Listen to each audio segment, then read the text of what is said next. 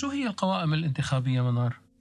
بيوم الانتخابات وبمركز الانتخابات اللي مبين عندك بورقة التصويت اللي وصلتك على البيت رح تلاقي قوائم الانتخابات أو بنسميها الفول سيدلر قوائم الانتخابات هي أوراق ملونة بثلاث ألوان مختلفة ومكتوب على كل ورقة أسماء الأحزاب أو أسماء السياسيين اللي بهالأحزاب الحزب اللي بدك تصوت له بتأشر عليه وممكن تأشر على سياسي معين بهالحزب الألوان إلها أي معنى؟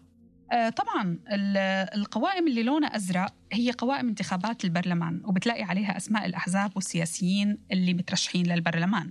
واللي لونها أصفر هي القوائم الانتخابية للرجيون واللي لونها أبيض هي القوائم الانتخابية للكمون يعني إذا أنت بحق لك تنتخب بالانتخابات الثلاثة رح تحصل على قائمة بيضاء وقائمة صفراء وقائمة زرقاء. والأهم تعرف أنه بالقائمة الواحدة ما بحق لك تنتخب إلا حزب واحد أو سياسي واحد.